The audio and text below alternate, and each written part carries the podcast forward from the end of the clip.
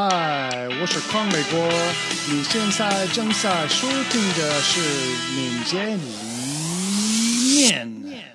同样有趣的动力，但在规模上。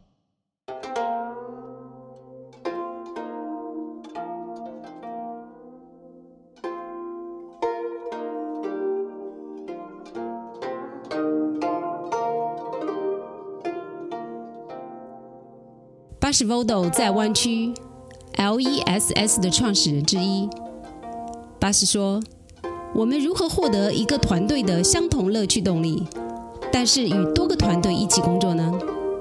因为管理经常会增加太多的东西，比如说官僚主义，以及团队和实际用户之间的距离，造成不再那么有趣。”所以呢，你要试着把有趣的部分放大，就像你知道的，我们可以完成工作。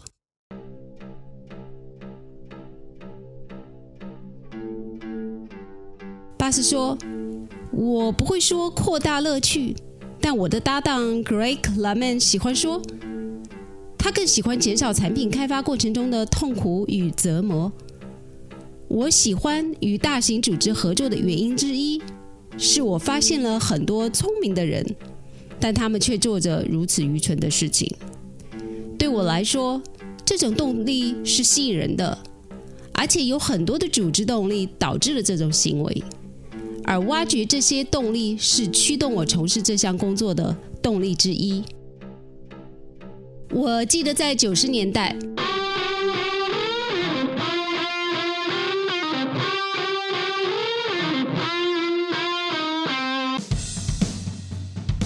我和一个三人的团队一起工作，那很有趣。然后呢，我和一个由四人组成的团队一起工作，那是我最后一次用一个团队建立一个产品。在那以后，它变成了大型的团队，所以有三十个人的团队，数百个人的团队。一开始，我就像大多数人一样，是债务循环的受害者。假设这就是他的工作方式，并假设他应该就是应该要那样工作，并且人们应该选择这样工作。但是经过更多的探索，与更多的人交谈，并获得更多的经验，我很快发现，他们不一定知道他们应该如何工作，或想要这样工作。这往往是很多动态和假设的结果。我对为什么会是这种状态越来越感兴趣。在下一集，Double Pashan 和 Bas Vodo 将与我们一起讨论错误的假设。